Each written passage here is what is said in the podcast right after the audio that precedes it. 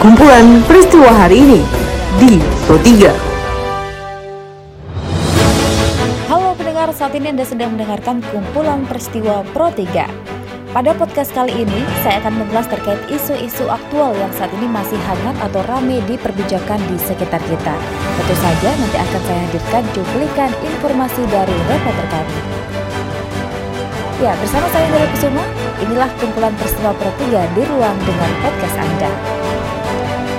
Pendengar sebelum saya masuk ke dalam beberapa isu aktual yang akan saya hadirkan sesaat lagi, saya mengundang Anda untuk mampir ke laman berita kami di rri.co.id. Anda juga bisa follow Instagram, Twitter, serta Facebook kami di @rri_programa 3. Baiklah pendengar, inilah kumpulan peristiwa Pro 3. Satgas COVID-19 Kabupaten Sragen kemarin melakukan swab antigen mendadak pada para tamu undangan di wilayah Kecamatan Sumberlawang dan Plupuh yang tidak patuh protokol kesehatan sebagai upaya untuk screening penularan COVID-19. Dilaporkan oleh reporter kami ada Meloto Isahaan berikut pernyataan Kusdiner Untung Yuni Sokawati selaku Bupati Kabupaten Sragen. Pola hajatan yang saat ini masih banyak sekali di masyarakat ya ada sekitar 290-an barangkali yang yang akan dilaksanakan dalam kurun waktu uh, bulan Syawal ini. Nah ini yang harus kita ketatkan kembali prosesnya dan juga kita minta untuk mematuhi protap yang sudah dibuat. Wakil Wali Kota Bogor, Dedi Arahim, meminta sekolah dan guru lebih disiplin dalam menerapkan protokol kesehatan jelang dibukanya kegiatan pembelajaran tatap muka atau PTM di sekolah.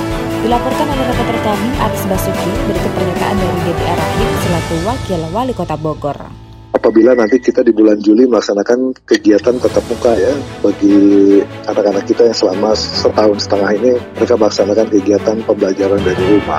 Nah ini juga tantangan dan mudah-mudahan juga masyarakat betul-betul menyadari bahwa apa pun langkah yang diambil pemerintah saat ini adalah tujuannya untuk bisa kita kembalikan anak-anak ini ke sekolah melalui pendidikan tatap muka di sekolah secara terbatas.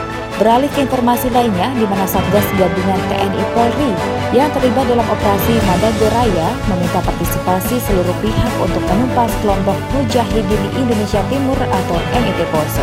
Dilaporkan oleh reporter kami, ada Rita Surbakti, berikut pernyataan dari Kombes Pol Didik Supranato selaku Kabit Humas Polda Sulawesi Tengah.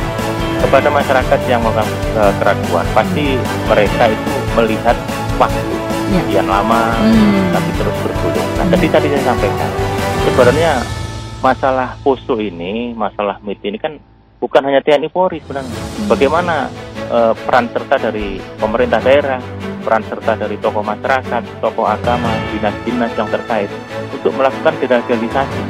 Saya yakin kalau misalnya uh, kelompok yang di atas itu sudah tidak ada penambahan lagi, hmm. pasti nanti akan habis Kemudian kalau tidak ada dukungan mungkin dari bawah, pasti mereka juga akan kelaparan. Nah inilah proses direhabilitasinya menjadi PR bersama. Kami lengkapi dari berita dunia olahraga, atlet panjat tebing asal kota Pontianak, Kalimantan Barat menorehkan prestasi gemilang pada kejuaraan dunia panjat tebing 2021 di Amerika Serikat. Atlet pelatas Olimpiade ini menjadi yang tercepat, sekaligus memecahkan rekor dunia. Dilaporkan oleh reporter kami, ada Viko Al-Hadi berikut pernyataan dari Fahrudin D. Siregar selaku Ketua KONI Kalimantan Barat. Kali berhasilnya Cedric dapat gelar juara dunia dan mencapai rekor dunia. Semoga depan lebih baik lagi pertahankan prestasi yang sudah diraih. Itu kesehatan nih, terus jaga sekali lah, latihan terus. Ya, baiklah pendengar, informasi tadi sekaligus mengakhiri perjumpaan kita pada podcast edisi hari ini. Anda masih bisa mendengarkan podcast edisi hari ini di Spotify dengan hanya mengetik RRI Pro 3 di kolom pencarian. Tetaplah menjaga jarak dan tetaplah berada di rumah saja.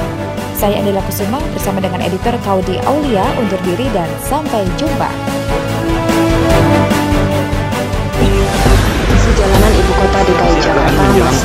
Kumpulan peristiwa hari ini di Pro 3.